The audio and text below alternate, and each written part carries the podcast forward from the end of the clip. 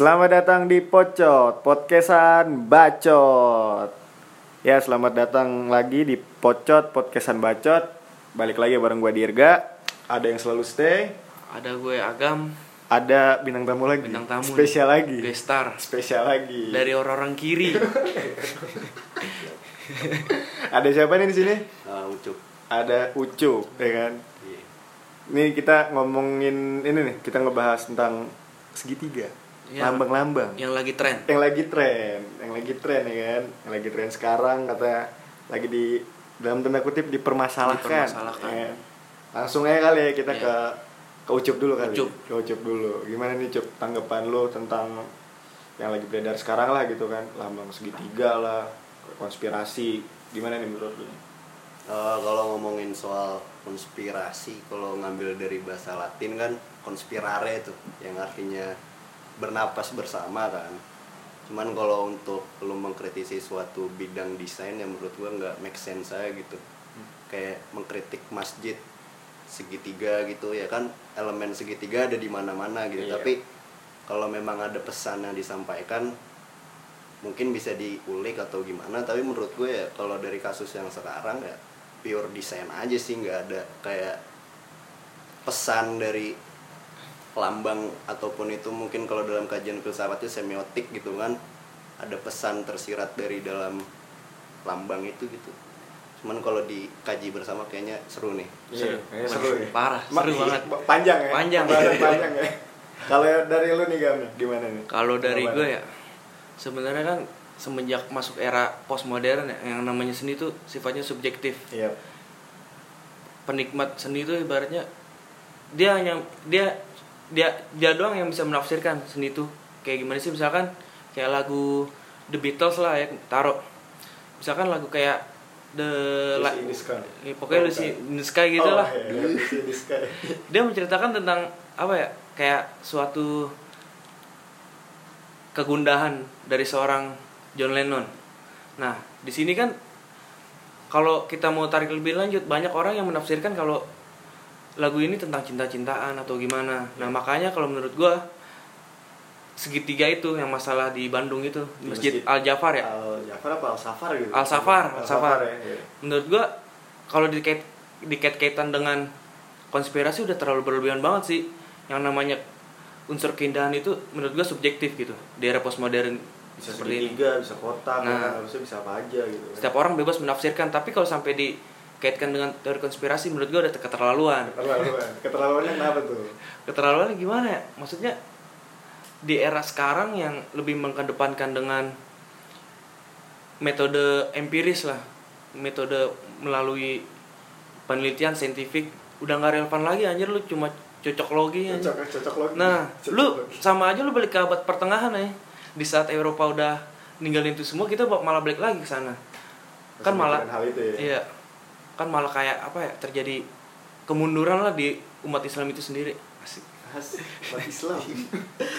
Terus kalau dari teori konspirasinya sendiri gitu kan, apalagi di Indonesia gitu, perkembangan dan apa ya, istilahnya historinya kayak gitu.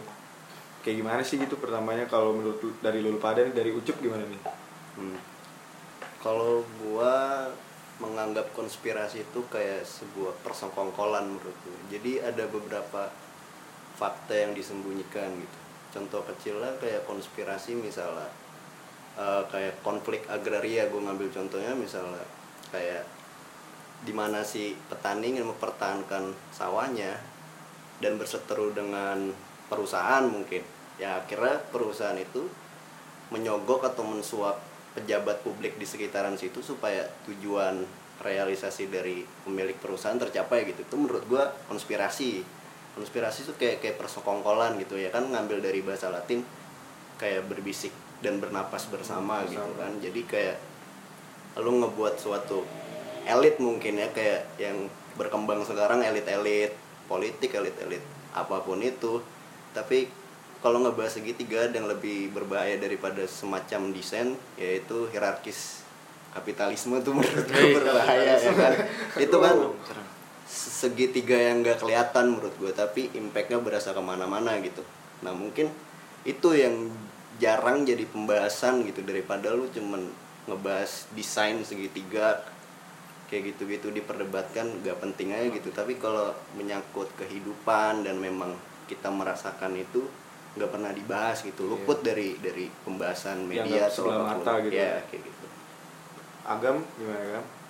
Kalau mengacu ke kamus Oxford ya Inggris itu. wah iya siap Kalau di situ menjelaskan kalau konspirasi itu mempunyai arti suatu teori bahwa kejadian atau gejala timbul sebagai hasil konspirasi antara pihak-pihak yang berkepentingan dan adanya suatu lembaga yang bertanggung jawab atas kejadian yang tak bisa dijelaskan. Kalau menurut gue dari penafsiran gue nih dari apa namanya terjemahan itu gue bisa ambil kesimpulan bahwa sebenarnya teori konspirasi ini bagus kalau ditempatkan dengan penempatan yang jelas gitu. Di penempatan yang baik. Misalkan yang tadi ucap jelaskan gitu. Hmm. bahwa misalkan kalau kita lagi ada isu-isu ham gitu atau lingkungan terus kita menempatkan teori konspirasi pada saat yang tepat itu malah bisa merubah paradigma masyarakat tentang ham itu sendiri atau lingkungan. Misalkan kayak Prabowo ya di sini ibaratnya masih konspirasi dia terlibat atau tidak. 98 98 nah di situ jadi kayak ngasih impact gitu buat masyarakat. Masyarakat mau mau nyari tahu tentang Prabowo ini terlibat atau kagak sih? Terus Wiranto mau terlibat apa kagak sih tentang pelanggaran 98 itu sih menurut gue. Lebih ke ini ya kalau menurut lo kalau misalnya penempatannya apa sesuai gitu ya. Sesuai. Oke oke oke. Terus ini kali kira ke fenomena-fenomena yang ada gitu. Teori konspirasi kan ini luas banget ya. Luas banget, Kayak Pak. apalagi di Indonesia gitu. Konspirasi tuh banyak banget gitu kalau dari kacamata lu berdua nih fenomena-fenomena apa sih yang apa ya sebenarnya tuh eh, ini tuh kayak dibilang masuk akal juga enggak gitu tapi tetap ada gitu di lingkungan sekitaran kita gitu Oh, dari ucup dulu gimana cup Eh, konspirasi yang berkembang di Indonesia bahkan global ya Mm-mm. itu bumi datar menurut Bumi gue. data bahkan dalam riset atau survei Indonesia itu menempati posisi pertama sebagai penganut bumi datar. Entah penganut atau memang dia ingin mencari tahu gitu. Tapi perkembangan bumi datar tuh pesat banget sebenarnya. Walaupun ya menurut gua itu menjadi sebuah kajian sih sebenarnya. Nggak harus memaksakan lu percaya bumi bulat datar segitiga dan segala macam. Itu cuman kayak proses lu mencari tahu gitu. Bagusnya di situ menurut gua. Gue sempet nonton mungkin yang di YouTube yang viral tuh bos Darling kan FE 101 Ya. gue sempet nonton itu kan yang walaupun beberapa episode ngebahas soal bentuk bumi nggak kira ke sana ngebahas tentang konspirasi global elit dan segala macem gitu. Jadi itu cuman kayak proses pencari tahu aja sih ya. Pada dasarnya manusia ingin mencari tahu sih. Penasaran gitu. penasaran gitu. Kayak ya balik lagi ke kapitalisme gitu apa penyebabnya gini-gini ya bisa ada kaitannya dari sana kayak kongsi dagang dan segala macem. Kebetulan gue belajar di ekonomi jadi gue tahu kebusukan ekonomi kayak gimana. Iya. dan sebenarnya ekonomi adalah ilmu yang paling jahat ketimbang politik. Karena ya UUD ujung-ujungnya duit. Ujungnya duit. Iya. apalagi di negara ini ya. Ujung-ujungnya duit. Ada duit lancar. Nah Gitu itu kan. masalahnya. Agam gimana agam? Kalau gue melihat fenomena konspirasi di Indonesia tuh cenderung apa ya omong kosong sih yang pertama misalkan kayak ada satu ustadz yang ngomong sebenarnya kalau Gajah Mada itu dari Islam mau, mau disebut nggak ustadz Ustadznya Gue kurang nggak? tahu tuh. Oh, Pokoknya gue baca apa ya kayak artikel gitu kan Oh, maksudnya artikel. kayak nggak masuk akal aja. Kalau emang lu benar kalau emang itu benar Gajah Mada dari Islam arti, artinya lu harus apa namanya ngasih argumen tandingan dengan arkeolog-arkeolog yang sudah meneliti kalau Gajah Mada itu sebenarnya emang benar-benar Hindu gitu. Hindu. Di situ sih menurut gua kalau beda dengan apa ya pecinta teori konspirasi itu dari barat teori konspirasi dari barat kalau menurut gue sih udah melangkah lebih maju dia bener-bener pengen ngebuktiin gitu kalau pandangan masyarakat kebanyakan orang tuh salah terhadap teori konspirasi terhadap ini. ko- konspirasi iya gitu lah menarik sih eh, tadi yang agam bilang eh, perbedaan eh, masyarakat di Indonesia gitu Ah. khususnya ya dengan masyarakat di luar dengan menanggapi teori konspirasi ini tuh masih apa ya istilahnya masih terbelakang gitu ya kalau Terbelakang. ya nah kalau eh, menarik juga mau nanya kayak gimana sih gitu eh, sepengetahuan kalian nih kayak perbedaan dari masyarakat Indonesia menanggapi teori konspirasi ini dengan masyarakat-masyarakat Islam yang sudah modern gitu. Iya. Eh, menurut gue masih kurang adanya riset mendalam gitu mencari fakta dan segala macam. Gue pernah nemu satu buku tuh judulnya Illuminati Nusantara yang ngebahas soal konspirasi yang ada di Nusantara gitu. Dia ngebahas pakai riset pakai kajian ilmiah metodologi ilmiah dan segala macam.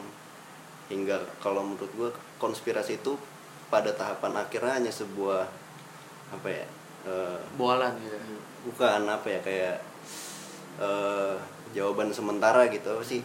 Hasil yang belum pasti. iya masih bisa dikritik lagi gitu. Itu kayak proses pencarian sih menurut gue konspirasi.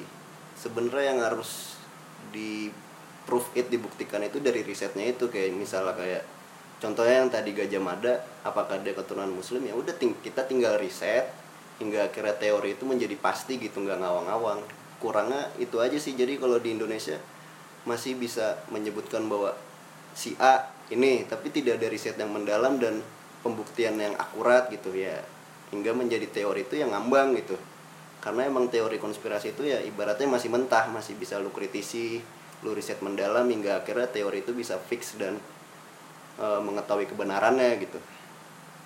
Apakah ini juga apa namanya dari segi manusia di Indonesianya yang kan ya seperti kita tahu lah ada sesuatu yang istilahnya dalam tanda kutip anti mainstream gitu ya. Iya. Nah, diangkatnya tuh terlalu berlebihan gitu, makanya Hmm. jadi jadi hype tersendiri gitu. Yoi, jadi ya orang Indonesia itu tipikal yang nggak mau mencari tahu dan sekedar pengen tahu gitu. Iya. Ibaratnya ada ya sosmed contohnya lu mendapat informasi ya lu tahu tapi lu nggak mau mencari tahu. Apakah berita ini benar atau apakah riset ini eh, benar gitu mengumpulkan fakta-fakta yang ada hingga akhirnya menjadi tesis lah ibaratnya kan menjadi sebuah kebenaran yang pasti gitu. Ya kurangnya itu sih. Nggak ada minat atau dorongan mencari tahu fakta itu loh. Jadi wah gajah mada Islam nih. Wah kira saudara sama gue gini. Iya. tapi nggak ada pembuktian riset yang mendalam gitu. Misalnya kayak garis keturunannya kah atau apanya. Atau ada mahasiswa yang ngebuat tesis atau disertasi tentang ini kan menarik sebenarnya Hmm. supaya jadi fakta dan tidak menjadi Iya, benar. konspirasi yang ngambang gitu kan Bisa menjadi hasil yang pasti gitu Iya. ya. Gam, gimana Gam? Kalau gue melihat salah satu faktor kenapa masyarakat Indonesia masih bukan masih bukan apa ya bukan gue bukan bukan kontra juga sih terhadap teori konspirasi tapi Iya. tidak diimbangi dengan metodologi yang jelas atau dengan apa penelitian yang lebih lanjut lah emang sih kalau secara historis masyarakat kita tuh masih ibaratnya tuh masih patron gitu masih percaya misalkan satu tokoh ngomong tuh pengikutnya pada ngikutin gitu masih percaya itu disebutnya patron klien sih kalau yang gue pelajarin Oh, yang dipelajarin ya. siap, siap. Nah, dari situ kan menurut gue apa ya? Di Indonesia sendiri dari secara historis juga dari zaman dulu sampai sekarang itu sebelum kemerdekaan bahkan Belanda datang tuh unsur-unsur keagamaan atau ritual-ritual keagamaan itu masih kental gitu. Indonesia belum mengalami yang namanya revolusi industri. Beda dengan barat. Setelah revolusi industri kan ibaratnya Eropa udah mulai ke tahap apa udah Yang meninggalkan maju agama-agama ya. gitu. Jadi agama hanya urusan publik. Gitu sih menurut gue. Menarik ya, mau Iya. bahas konspirasi. Nah, ini nih yang seru nih. Gue pengen tahu nih dari lu berdua sejauh mana nih ngikutin teori konspirasi atau ada ada ada ada nggak sih teori konspirasi yang benar-benar istilahnya kalian ikutin gitu, ikutin banget lah gitu loh. Dari agam dulu deh gimana? Teori konspirasi yang pernah gue ikutin mungkin gue pernah baca bukunya Sinagog of Satan ya. Itu karyanya siapa gue lupa, pokoknya di situ disebutkan bahwa lengkap sih secara lengkap. Gue sempat juga percaya teori konspirasi gara-gara buku itu Oh, sempat percaya ya? sebelum belajar filsafat. Jawab sama. Jadi di situ disebutkan yang poin gue masih inget tuh bahwa ideologi diciptakan untuk apa namanya biar tuh bisnisnya Rothschild lancar gitu seakan-akan ada kehancuran gitu ada misalkan kapitalisme lawannya komunisme gitu di situ juga disebutkan bahwa ternyata si Karl Marx ini keturunan Yahudi gitu Oh iya iya. Eh, emang sih keturunan Yahudi cuman kan kalau disangkut pautin dengan Rothschild kayaknya ini apa namanya kalau nggak ada riset agak kurang masuk akal. agak kurang masuk akal juga gitu. Itu sih yang gue pelajarin. Sekarang udah kagak lagi baca baca gitu. Oh udah nggak lagi. Udah berarti udah nggak percaya sekarang ya? Udah nggak percaya. Udah nggak percaya. Kalau Ucup gimana cuy Oh, buat konspirasi ya. Gue pernah dengar berita tentang pendiri atau founder WikiLeaks tuh. hmm. Yang dia ditangkap kan gara-gara menyebarkan dokumen-dokumen internasional katanya kan. Dan ini kan yang jadi pertanyaan besar gitu. Kenapa dia ditangkap gitu? Apakah memang dokumen itu penting atau dokumen itu menyangkut orang banyak yang akhirnya ditutupi ya kan? Dan si Asak nih kalau nggak salah nama lupa oh ya gua. eh, Jo Jo- Julian Asak Asak Nah, nih iya. ya dia mencoba menyuguhkan eh, apa ya hal-hal yang diumpatkan di publik gitu. Dan akhirnya dia mendapatkan risikonya akhirnya dia ditangkap gitu. Jadi kan muncul pertanyaan di sini kenapa dia ditangkap gitu kalau eh, memang itu menyangkut hal publik? Bahkan Sri Mulyani eh, Menteri Ekonomi kita ex IMF yang dia pernah bilang bahwa 98% aset dunia atau berapa persen gitu dikuasai oleh segelintir orang aja dua persennya gitu kan. Itu kan kayak eh, fakta menurut gua karena memang eh, si Sri Mulyani itu orang bagian dalam IMF yang mengatur tentang perekonomian global gitu ya kan. Cuman hal yang seperti ini yang diumpatkan eh, pe- pemerintah gitu kepada publik yang harusnya dinikmati publik dan beberapa orang atau disebutnya konspirator mencoba mengungkap tabir itu gitu loh. Jadi ada beberapa fakta yang diumpatkan nih. Akhirnya dia ngulik hingga resi- resikonya dia ditangkap dan diintimidasi dan segala macam ya memang konspirator seperti itu. Jadi kalau lu sendiri cup eh, dengan teori konspirasi yang banyak beredar gitu ya, saya percaya atau tidak gitu?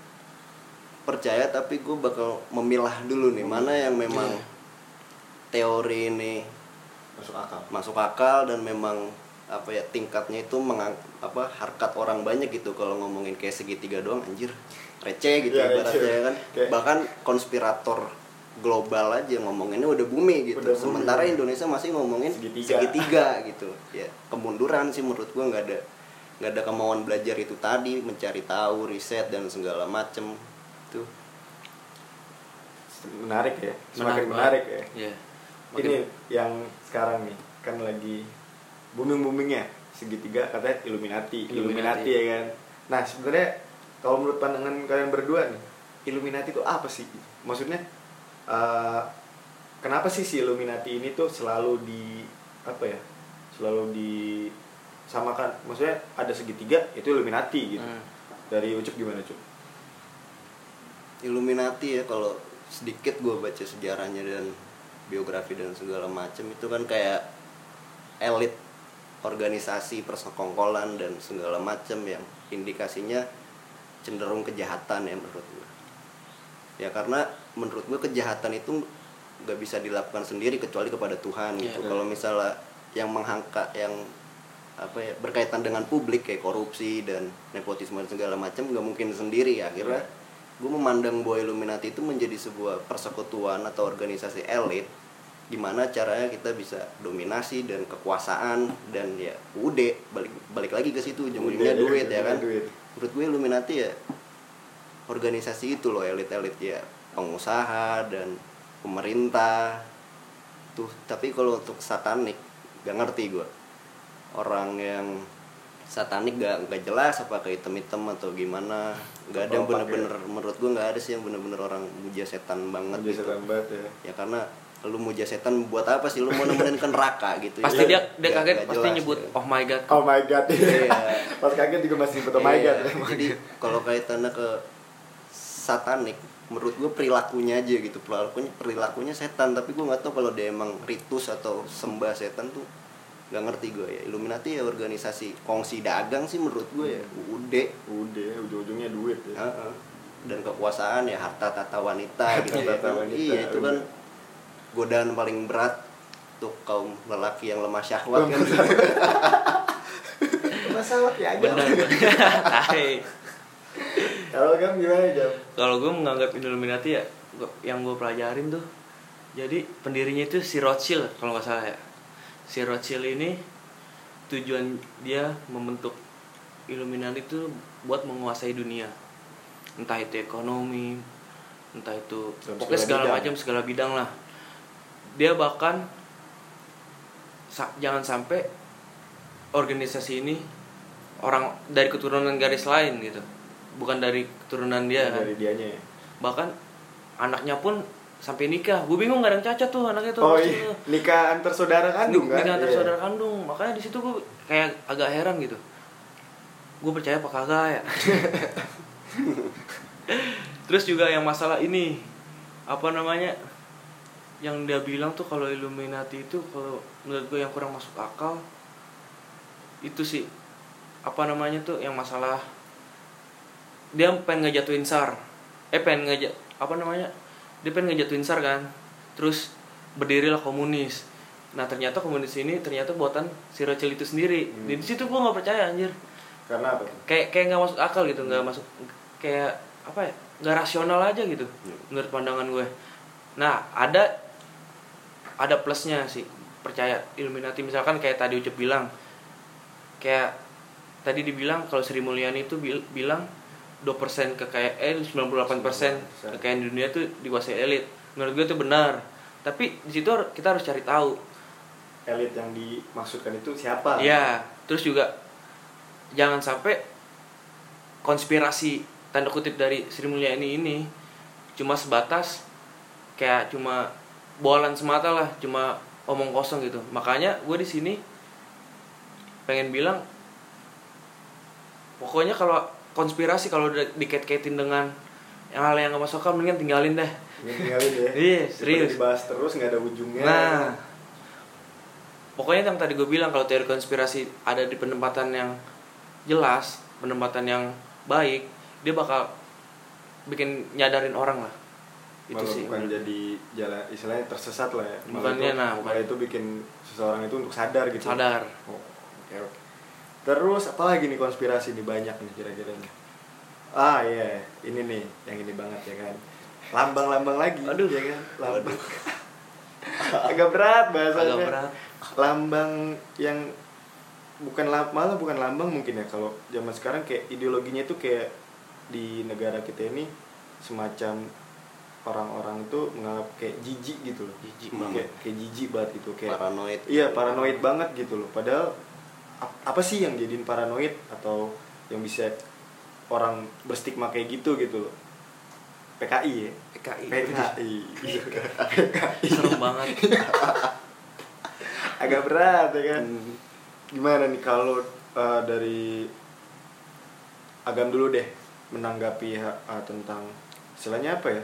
Bisa bilang ya PKI ini deh gitu loh di masyarakat Indonesia sekarang Ya, hantu-hantu PKI yang berkembang di masyarakat menurut gue salah satu impact dari literasi yang rendah dari masyarakat Indonesia. Menurut gue itu salah satu poin pentingnya. Jadi sejarah-sejarah yang ada dimanipulasi oleh dari produk hegemoni Orde Baru. Di situ ya. Di, di situ sih yang menurut gue yang paling apa ya? Bikin masyarakat bikin tuh impactnya itu gede gitu. Ini bikin impactnya gede ke masyarakat. Jadi masyarakat akal benar-benar tumpul apalagi pas ada di mata najwa kan. Si Kiflan Zen Hmm. di situ diundang di mata najwa debat dengan Boni Triana sebagai pemimpin redaksi Historia. Bahkan ditanya sama si Boni ini Kiflan Zen diam markas PKI di mana? Dia nggak bisa kasih unjuk pokoknya ada ada. Kan di situ kalau masyarakat mau lebih lanjut tahu lebih lanjut harusnya mau cari tahu dong bisa dikulik bisa lagi gitu. dikulik kalau ternyata tuh apa namanya eh, narasi-narasi PKI itu sebenarnya benar-benar udah usang sekarang gitu Iya. cuma itu emang produk hegemoni orde baru tuh emang terlalu sukses sih menurut terlalu percaya udah hampir 20 tahun reformasi 20 tahun ya. reformasi tapi istilahnya masih ada lah ya Nah. impact-impactnya ya. kalau dari Ucup gimana nih Cup? gue pernah dengar kata-kata Albert Camus tuh suka banget gue yang lebih parah daripada kebohongan lu tidak berhak mendapatkan kebenaran gitu ya kan. Ya contoh gue pernah masuk ke ke salah satu website ataupun jejaring media gitu. Jadi ada logo Palu Arit dan respon dari masyarakat Indonesia dia bilang PKI gitu. Gue bingung kan secara lambang itu memang sebenarnya kalau diambil dari sejarahnya itu kan kayak penyatuan antara perjuangan buruh dan tani. Buruh dan tani. Akhirnya eh, orang-orang komunis eh, menggunakan lambang itu sebagai perwujudan dari apa yang diperjuangkannya. Karena memang konteksnya dan yang diperjuangkannya itu buruh dan tani gitu. Tapi orang Indonesia selalu menganggap bahwa lambang Palu Arit itu PKI, PKI, PKI, PKI, ya gitu. Tapi entah apakah dia paham tentang komunis itu tersendiri atau gimana, bingung kan. Ada fotonya waktu itu kalau nggak salah jersey yang pas Piala Dunia yang jersey Uni Soviet, Iya. ya kan Oh, ada iya, logo iya. Palu Ada Aritnya logo Palu Aritnya benar. dan dia bilang PKI padahal itu Uni Soviet Uni gitu ya Soviet, kan bener. jadi orang masih nggak bisa ngebedain lambang Paluarit maksudnya itu apa dan entitas partai itu apa gitu itu yang menurut gue jadi kayak keblinger aja gitu Iya. orang-orang Indonesia kan ya memang beberapa partai menggunakan logo itu sebagai perwujudannya gitu kenapa kalau misalnya ada logo itu nggak bilang wah dia komunis gitu bukan Iya. PKI gitu ya kan Kenapa harus PKI gitu? Ah. eh kenapa harus eh ah, iya kenapa harus PKI enggak, enggak bilang komunis, gitu. jadi kan ya beberapa orang yang memang belajar komunis pasti ya biasa aja gue emang komunis gue belajar gitu Iya. tapi kalau gue PKI ya masuk partainya aja partainya bubar gitu jadi bingung kan Zaman sekarang juga partai udah nggak ada. Tapi mending iya. turun PKI deh daripada PKS.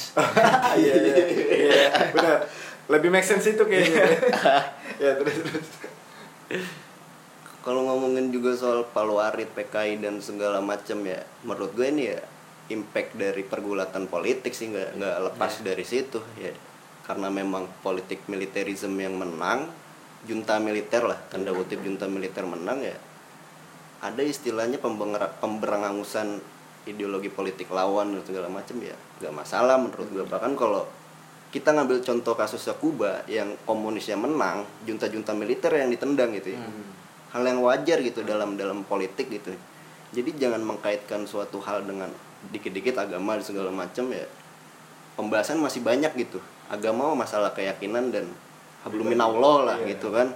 Kalau ngomongin konteks sosial ya lu pelajarin tentang sosiologi politik Ekonomi. ekopol yang segala macam gitu supaya omongan lu nggak nggak sampah gitu. Ibaratnya ada ada Ada ada ya? referensi ya kan. Referensi. kalau gue mau ngambil contoh dari imam juga imam syafi'i kan kalau dia mau berdebat minimal dia bawa 20 kitab gitu. Kalau mau berdebat sama orang bodoh lah ibaratnya orang bodoh. Walaupun akhirnya dia bilang gue gue bakal kalah gitu. Karena orang bodoh ya dia ngomong apa yang dia nggak tahu gitu. Sementara imam syafi'i kan berdasarkan referensi dan dia pasti bakal hati-hati untuk mengungkapkannya. Ya itu sih paranoid berlebih itu karena dorongan orang nggak mau belajar Nggak mau belajar. nggak mau mencari tahu ya pengennya tahu aja gitu Baik, berarti balik lagi kayak ke diri pribadi masing-masing enggak sih? Yoi. Yang mau dia mencari tahu atau enggak, Mm. asal ngejudge atau kayak gimana ya kan. Apalagi istilahnya kan isu ini tuh udah lama banget gitu loh. Kayak- iya kayak nggak nggak nggak nggak berakhir-akhir lah dikit-dikit ada tanda palu arit dikit PKI Hmm. dikit-dikit ada apa di ini kan ke PKI ya kan. Mungkin mungkin eh, dari eh, apa dari yang tadi dibilang agam eh, dampak dari hegemoni Orde baru. orde baru ya. Makanya mungkin istilahnya sisa-sisanya tuh masih terasa gitu sampai sekarang. Tapi kalau uh, menurut pandangan kalian berdua nih ada nggak sih gitu loh uh, selain uh, memang balik lagi ke diri pribadi ada nggak sih uh, hal yang bisa bikin uh, stigma ini tuh Runtuh. runtuh gitu loh Uh, Oh, iya. kalau dalam tanda lain hilang lah atau sedikit memudar lah gitu Kalau menurut gue sih ya bisa aja melalui institusi-institusi pendidikan. Misalkan dari tara SMP belajar sejarah. Udah, kalau emang lu pengen tahu komunis apa adanya, apa adanya aja sejarah yang ada tuh dibuktiin dengan di buku itu. Lu pelajarin ke anak ke anak-anak murid. Mungkin dari situ apa ya pendidik kesadaran kritis anak-anak sekolah atau anak-anak SMA udah mulai tumbuh di situ. Dia mul- mulai mencari tahu ternyata komunis nggak apa yang apa namanya Nggak nggak sekejam apa yang iya. diceritain kakek gue nggak sekejam apa yang dari nyokap gue. Dari situ sih menurut gue awal pendidikan. Pendidikan. Kalau dari ucup? Untuk menghilangkan stigma itu ya komunisme menang. oh iya Iya, harus. iya harus gue kepikiran situ. Kalau komunisme menang pasti beberapa kayak misalnya Pancasila terpinggirkan lah nantinya. Terus ya kalau ngambil contoh Cina yang lag- sekarang lagi demo ya orang-orang Hongkong Hongkong. yang antara pro demokrasi dan rezim komunisnya itu kan pergulatan ideologi gitu. Ketika suatu saat nanti Hongkong menang dengan eh, ideologi demokrasinya ya mau nggak mau tersisihkan kan Hmm. eh, eh, komunisnya. Ya untuk menghilangkan stigma itu ya pergulatan ideologi gitu. Tapi kalau memang untuk sarana belajar dan mencari tahu edukasi dan segala macam ya benar kata Agam pendidikan ya pendidikan di Indonesia itu bukan mendorong masyarakat untuk berpikir kritis gitu ya. Iya. Eh, cenderung apa ya ada pedomannya gitu. Eh, kayak misalnya anak kecil belajar filsafat gitu anak SD belajar filsafat pasti orang bakal kaget gitu iya kok udah diajarin Iya, filsafat iya. kayak gini-gini ya karena memang sistem pendidikan kita itu porsional paham gak maksudnya kayak SD itu ya porsinya minimal ini dulu Iya. Hmm. SMP yang ini dulu Iya. SMA yang ini dulu baru kalau mau pikiran Bebas. luas Bebas. mahasiswa, kan. Mahasiswa, ya. bebas cari segala macam nah itu karena masih porsional gue pernah nonton film yang Kapten Fantastik tuh. Iya. yang anak-anaknya diajarin filsafat dan bagaimana cara bertahan hidup sama bokapnya tanpa institusi negara gitu. Masuk pendidikan negara gitu. Terus ada adegan di mana anaknya itu eh, adu tentang undang-undang ham ya yang lawan sama anaknya yang dia memang bersekolah. Bahkan anak yang bersekolah itu nggak tahu apa itu undang-undang ham gitu dan yang anaknya itu tahu. Walaupun itu cuman film walaupun cuman rekayasa menurut gua acting dan segala macam jadi ya bisa mengajarkan. bisa mengajarkan bahwa ya pendidikan gak semata-mata lu di institusi gitu ya kan. Dan lepas cari keluar dan segala macem. Kalau gue mau ngambil salah satu toko yang gue favorit di Nusantara Gitu, Nusantara. ketika SD dia sudah menyelesaikan seluruh buku di perpustakaan gitu ya. Akhirnya dia bisa belajar dan akhirnya jadi orang hebat menurut gua kan walaupun dilarang dan segala macem ya intinya itu belajar intinya mau belajar gitu ya kan eh, ikro ya kan Ikro. tugas pertama Rasul itu kan ikro bacalah bukan baca kitab dan baca buku tapi baca sekitar dan akhirnya diimplementasikan gitu Nah, menurut gue di sini kayak terjadi kemunduran ya. Yang tadi gue disebutin bahwa sebenarnya masalah-masalah yang udah selesai di abad pertengahan itu sama kita dijadiin masalah lagi. Hmm. Padahal di situ peradaban Islam udah maju. Iya.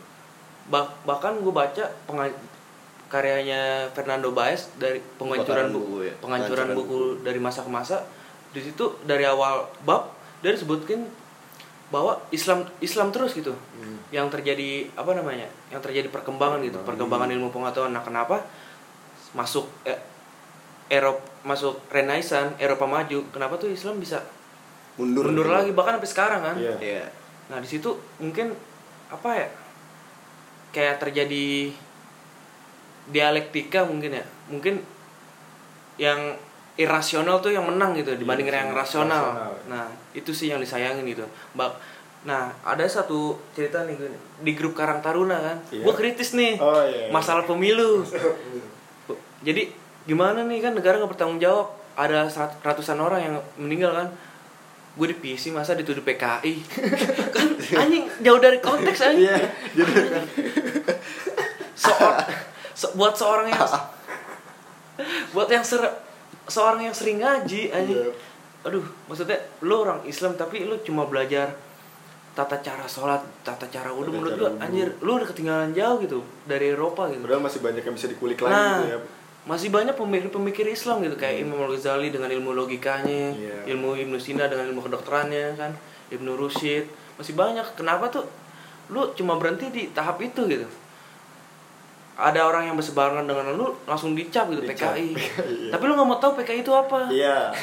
Itu yang, Yang sulit ya. Itu yang sulit ya. iya Iya benar-benar. Kayak apa ya sebenarnya memang balik lagi kali ya ke Iya. ya ke eh, referensi itu sendiri gitu buat pribadi itu sendiri gitu kayak ya berawal dari pendidikan gitu walaupun lu nggak ada nggak nggak belajar gitu di institusi itu tapi lu tuh bisa mencari itu di luar gitu masih banyak Harus. harus dikulik gitu biar biar lu juga istilahnya nggak tong kosong nyaring bunyinya juga Nah, gitu kan Satu lagi info. apa tuh Ternyata perpustakaan Indonesia terbesar di Asia Tenggara, cuy. perpustakaan Indonesia terbesar di Asia Tenggara tapi minat bacanya nomor dua paling nomor bawah dua paling bawah Dari setara dengan negara-negara di Afrika, anjir. Iya, itu itu miris sekali sih. Miris ya banget kan? Miris banget sih kalau bisa dibilang perpustakaan hampir terbesar tapi minat bacanya dua terbawah ya kan. Tapi untungnya sih gue sama Ocep udah buka perpustakaan. Kalau kalian mau main silakan. Nah, sekalian promosi. Sekalian promosi. Apa tuh? Main ke mana tuh? Kalau perpustakaan gue ada di Taman Suropati Jakarta Pusat. Itu setiap hari Minggu Minggu sore Taman dari Aksara ya? Taman Aksara. Kalau Ucup ada perpustakaan Di- punggung di kampus ya. di Universitas Singapura Bangsa Karawang Terus- setiap Senin Rabu Jumat cuman sekarang lagi libur Libur. Lagi libur soalnya habis lebaran. Terus Iya, juga ada- masih suasana lebaran. Perpustakaan Jalan Karawang sih. Jalan Yoi. Karawang. Ada dua. Ada dua. Pokoknya tetap apa eh, minat baca tuh tetap harus Tingkatin. ditingkatin ya kan. Kalau bisa setiap hari lah baca apa aja gitu biar nambah referensi. Jangan jadi orang Ignoran, istilahnya- yang nggak mau tahu nggak mau tahu sejarah tentang gitu. sejarah ya kan. Apalagi dengan munculnya sekarang lagi boomingnya segitiga segitiga ini Hmm. Illuminati teori konspirasi malah harusnya jadi titik balik gitu buat kita kita kan yang coba cari tahu dulu gitu loh kenapa sih segitiga Illuminati gitu jangan asal cap wah lu Illuminati lu PKI ya kan Nah, itu. mungkin itu kali ya cukup dari kita pocot podcastan bacot Eh, terus dengerin podcastan bacot sama dengerin lagi nanti di episode episode selanjutnya. Gua Dirga pamit ada Gue agam. ada gua ucup. Terus dengerin podcastan bacot